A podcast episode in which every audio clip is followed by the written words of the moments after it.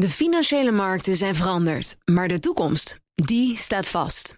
We zijn in transitie naar een klimaatneutrale economie. Dit biedt een van de grootste investeringskansen van onze generatie. Een kans voor u om mee te groeien met de klimaatoplossingen van morgen. Meer weten? Ga naar carbonequity.com. Carbon Equity. Do good by investing better. Beleggerspanel. Waarom blijft pensioenfonds ABP olieaandelen inkopen? En het Amerikaanse farmabedrijf Amgen neemt de branchegenoot Horizon over. Dat en meer bespreek ik in het beleggerspanel vanuit het kantoor van vastgoedbelegger Annexum. En daar zijn ook Marco Groot van 8 Days a Week en de website marcogroot.com. En Corné van Zel, analist en stratege bij vermogensbeheerder Actiam. Welkom, heren. Dankjewel. Dankjewel. Laten we beginnen bij jullie laatste transactie. En eh, Corné, ik herinner je maar weer eens aan jouw ene laatste column over de maand december. Toch de tijd dat mensen hun slag proberen te slaan. Welke slag heb jij geslagen? Ja, nou, ondanks het feit dat december inderdaad een prachtige maand is en de koersen meestal omhoog gaan, heb ik toch eh, aandelen verkocht, onroerend goed aandelen. En gewone aandelen, gewoon trackers. Eh, heel saai, heel simpel. Maar ik denk, ik eh, vond het allemaal zo mooi gestegen dat ik eh, winst erop heb genomen en wat af, af heb gebouwd. Nou, je vertrouwt niet op een verdere stijging. Nee, ik denk dat 2023, ik ben daar wat somber over. Eh, als Actiam zijn we ook onderwogen aandelen. Dus dat is er volledig daarmee in lijn. Snap jij eh, de sceptisch, de aarzeling bij Corné? Ten opzichte van de laatste beweging zeker wel. Ten opzichte van de blik naar de toekomst eh, zal de tijd het leren. We leven in een buitengewoon ingewikkeld... eh, ja, weet je, we leven in een tijd van oorlog en allerlei al- andere ingewikkelde spanningen die niet te voorspellen zijn. En zolang het niet te voorspellen is, is het heel moeilijk om daar een kijk op te hebben. Dus ik snap dat Corné zegt, als ik winst heb, dan neem ik het. Dat is nooit een slechte beslissing, toch Corné? Eh, nee, ja, van wordt nooit iemand, is nog nooit iemand armer geworden. Maar ik zeg ook altijd, maar van is ook nog niet iemand heel erg rijk geworden. Precies. Staat dat eh, in jouw eh die boek staat er met de tegeltjeswijsheden? Tijd Vol- voor een volgende nieuwe versie, ja. precies. Eh, Marco, wat kun jij zeggen over je laatste transactie? Ja, ik moet jou bedanken daarvoor. Dus eh dankjewel Thomas. Ik had het niet verwacht. Nee, hè? ik weet Nee, ook nee. niet waarvoor precies, maar dat ga je nu uitleggen. Nou, toen ik hier vorige keer was, een paar weken geleden, toen hadden we het over het inkoopprogramma van ING. En ING koopt aandelen in omdat hun kapitaalratio's veel te prettig zijn. Dat gaat over de CET1-ratio voor de, voor de liefhebbers. Ehm, en toen ben ik eens gaan rondsnuffelen welke banken nog meer een hoge CET1 hebben. En toen kwam ik bij een bank terecht die ook in dit gebouw huist, een camper van Landschot. En hun CET1-ratio zit boven de 20% Zij, keren in of zij hebben net in december anderhalve euro eh, bonusdividend uitgekeerd. En als ik naar die kapitaalratio kijk en de koers van het aandeel... dan kunnen zij nog 5, 6, 7 jaar die eh, bonusdividenden blijven betalen. Als ze dat 5, 6, 7 jaar doen in combinatie met de, de gewone dividenden... Ja, dan krijg je in 5 jaar meer dan de helft van de koers van het aandeel terug. Dat vind ik best prettig. Daar is wel een voorwaarde voor en dat is natuurlijk dat de credit rating klopt. Hè, dus dat ze het ook echt kunnen doen. En die credit rating die heb ik gecheckt en die is buitengewoon prettig. Dus in jouw research voor dit programma staat jij op een eh, verborgen pareltje. En daarom begon ik met dankjewel Thomas.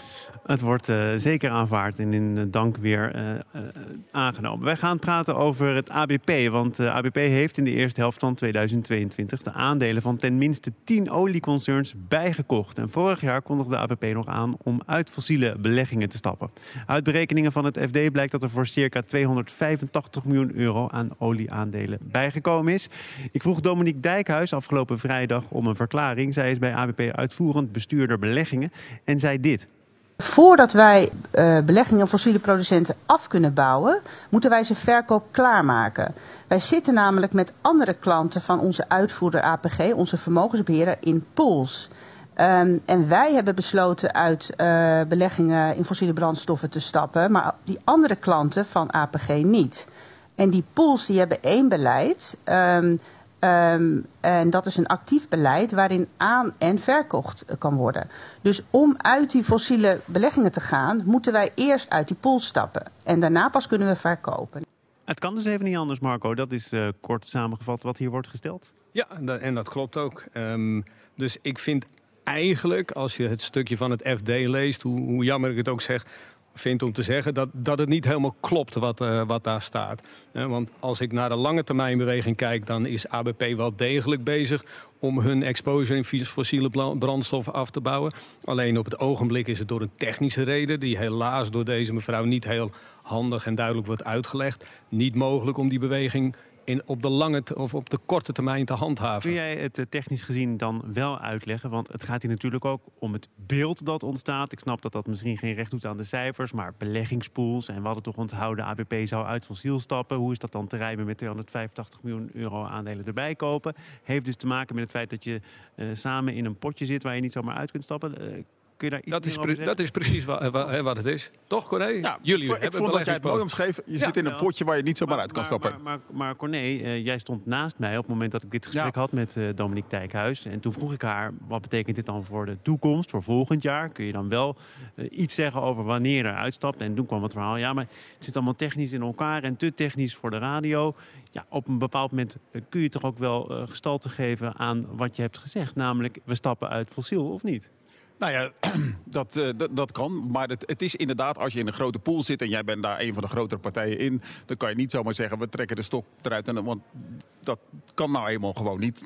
Uh, omdat de overige dan met een, en er zitten ook allerlei fiscale regels achter. Dus uit de pool stappen is niet zo makkelijk. Ik, ben, ik word denk ik wel gezien als ABP-besje vanwege wat licht hypocriete beleid over als het gaat over fossiele beleggingen.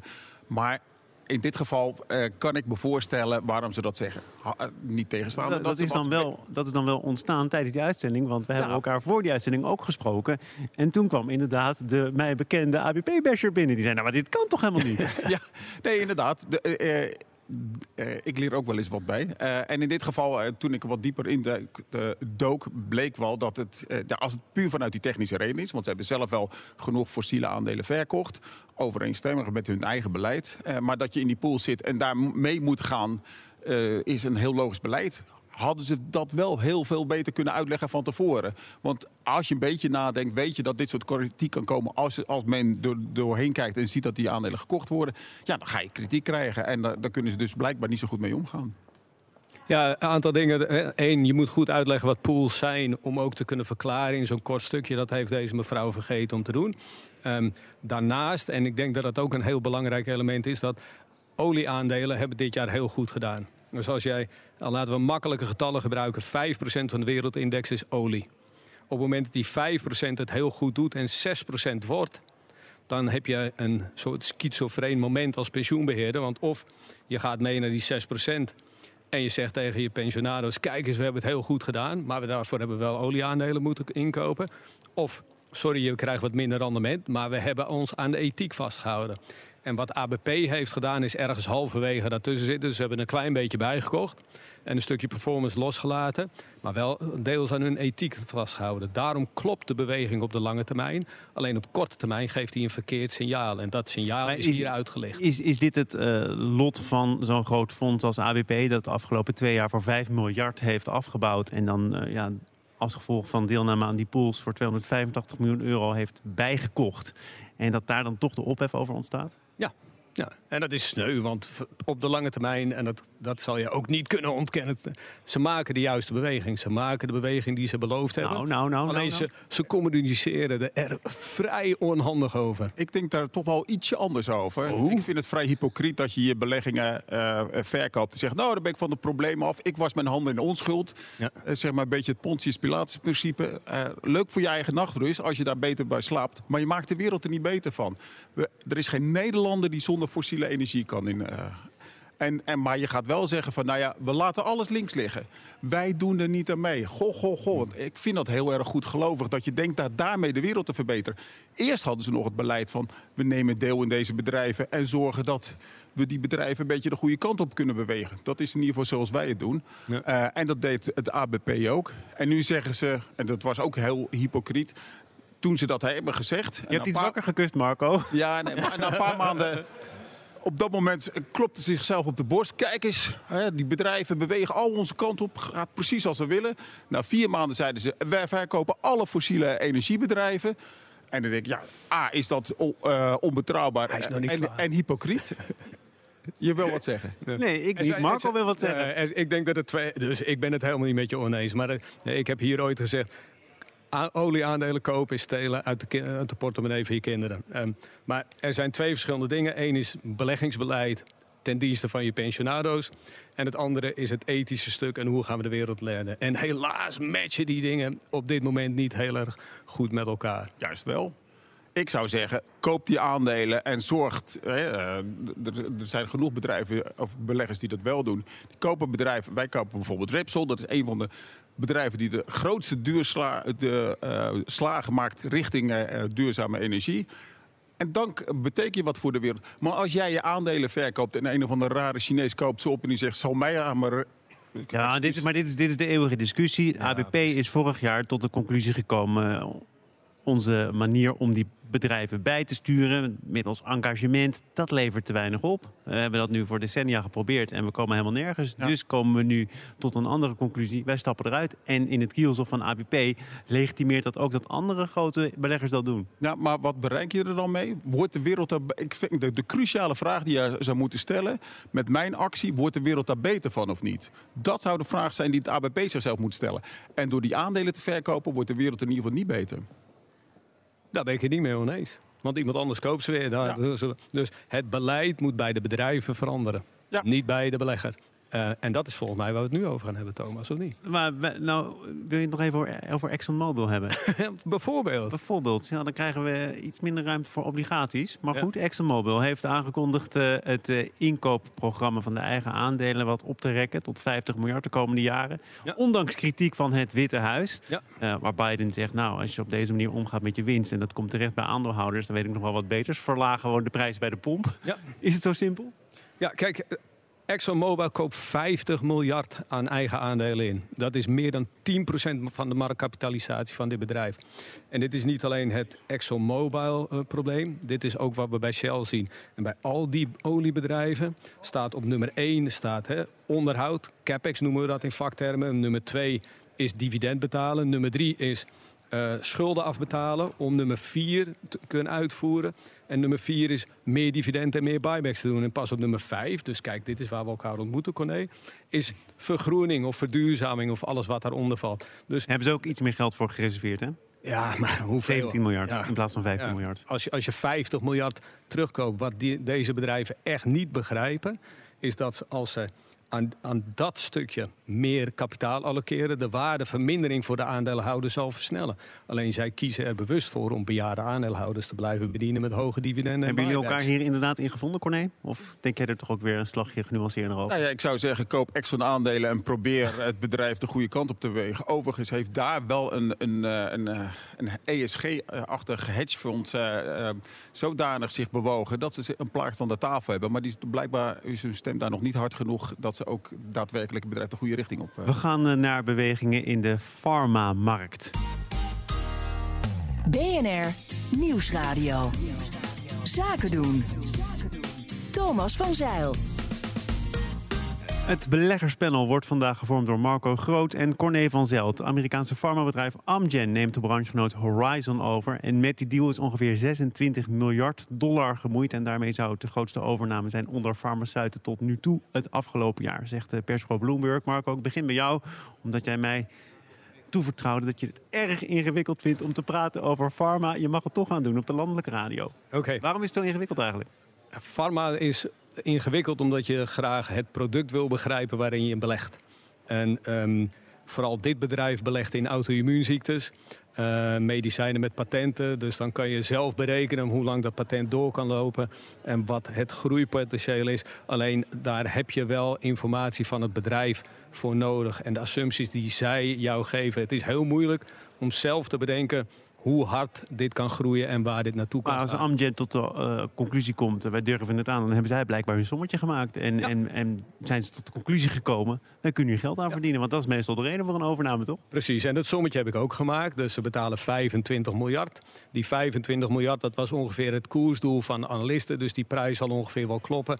Um, ze draaien een miljard aan vrije kaststroom. Dus zij betalen ongeveer een 4% kaststroomrendement. Dat klinkt aannemelijk. Zeker gezien het feit dat het bedrijf zelf ook rond die uh, multiples handelt. Dus vanuit een financieel perspectief snap ik het. Als ik dan naar Horizon kijk, dan zie ik dat de afgelopen jaren de omzet van 1 naar 2 naar 3 miljard is gegaan. Dat is een heel agressief uh, en prettig groeipad. En de vrije Castro maakt dezelfde beweging. Dus vanuit financiële overwegingen uh, snap ik het, denk ik.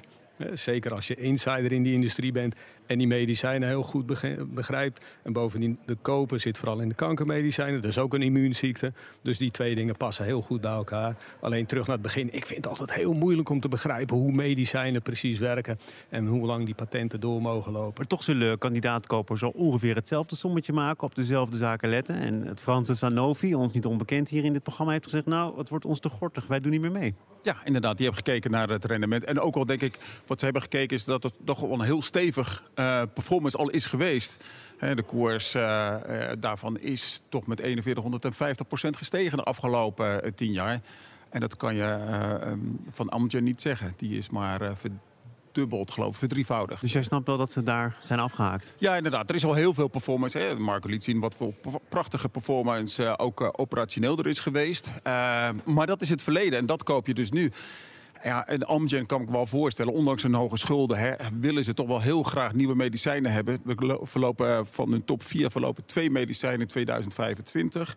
Prolia en Xgeva. Uh, en ja, ah, dat betekent wel dat je 5 miljard omzet mist op de 26 miljard. Dus 20% van je omzet dat, daar verloopt het patent van. Dus moet je nieuwe hebben. En dit was denk ik een van de mogelijkheden. Uh, voordat we niet meer toekomen aan alle grafiekjes die hier op tafel liggen... gaan we toch maar even praten over obligaties. En terecht, want het is vaak een ondergeschoven kindje... terwijl verschillende experts, onder andere van ING... denken dat er in 2023 wel degelijk geld mee te verdienen valt. Aandelen eruit, obligaties erin. Corné, kun je dat onderschrijven? Oh, ik, kan, ik kan me voorstellen dat mensen dat denken. En maar dat is ook gelijk het probleem. Je ziet veel enthousiasme. Vandaag kwam de Bank of America survey aan. En voor het eerst in de afgelopen twaalf jaar zie je dat institutionele beleggers enthousiast zijn over obligaties. Nou, meestal moet je precies het tegenovergestelde doen. uh, tenminste, hun track record is toch wel uh, heel erg uh, goed, maar dan contrair.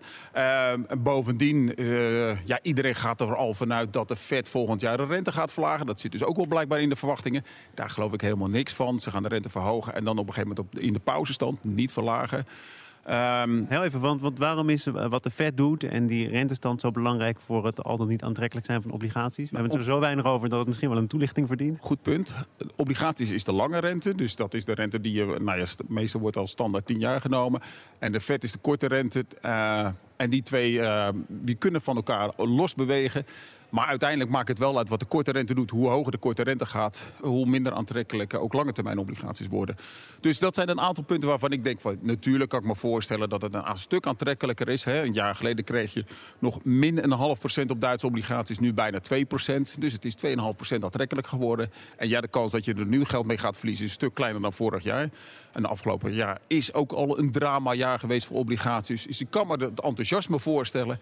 Maar ik denk dat je er zo weinig geld mee gaat verdienen. En dat er toch een aantal risico's zijn die mensen niet goed beseffen. Ligt hier in de vorm van een grafiek, Marco, het afgelopen jaar wat betreft obligaties of niet? Nee, we nog wel grillig aan toe. Hier ligt de afgelopen tien jaar in de vorm. Oh, de afgelopen tien jaar zelfs, oké. En daarin zie je eigenlijk dat obligaties in de marge van een procent of 4, 5 op, op 1, 2, 3 jaar basis kunnen bewegen. Dus de, het rendement wat je maakt op een obligatie is door de bank genomen de coupon.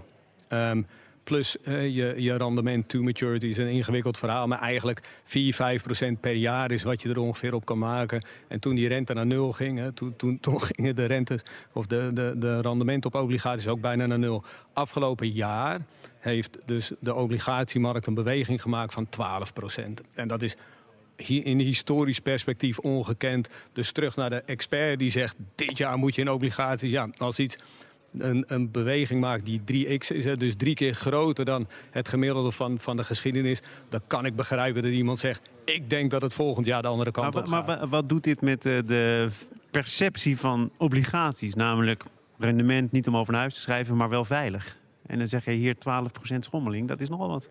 Ja, ik vind dat de veiligheid uh, flink beschadigd is in deze. Dus dat, dat de economische gevoeligheid enorm is toegenomen. en dan vanaf hier is het vooral de voorspelling van de rente. Of jouw assumpties die wat de rente gaat doen. Ah, dat weten we nu, heeft Corné net gezegd. Dat heeft nee, dus daar hoeven we het niet meer over te hebben. Um, dus als, als die rente in de markt rond de 5, 6 procent is hè, in Amerika... dan zal dat ongeveer het rendement kunnen zijn wat je op obligaties maakt op voorwaarde dat je het, de obligatie helemaal uitzet. Maar onderweg kan hij een keer een beweging maken... waardoor je rendement wat oh nee, groter verlagen Die bewegingen die zijn dus serieus. Hè? Die veilige obligatie, daar kan wel degelijk het een en ander schommelen. Dat is wel bewezen. Ja, inderdaad. Dit is het allerslechtste jaar. Ik zag een onderzoek vanaf 1928... als je naar Amerikaanse obligaties gaat kijken. En ook uh, de Duitse obligatiemarkt doet uh, lekker mee. Het is echt een dramajaar geweest. Voorheen wordt 1994 het uh, annus horribilis voor de obligatiebeleggen. Nou, dat, dat record is echt gewoon stuk geslagen door dit jaar. Dit is echt rampzalig. Maar het is ook logisch als je met, met een rendement van 0,5% begint ja, dan weet je dat je A, niks hoeft te verwachten. Nou ja, al dat verlies is eigenlijk voor een heel groot gedeelte al in dit jaar gekomen. Ik dank de leden van het beleggerspanel Marco Groot, consultant bij E Deze Week... en Corné van Zel, analist-strateeg bij Actiam. Beleggerspanel wordt mede mogelijk gemaakt door Annexum. Al meer dan 20 jaar de aanbieder van vastgoedfondsen.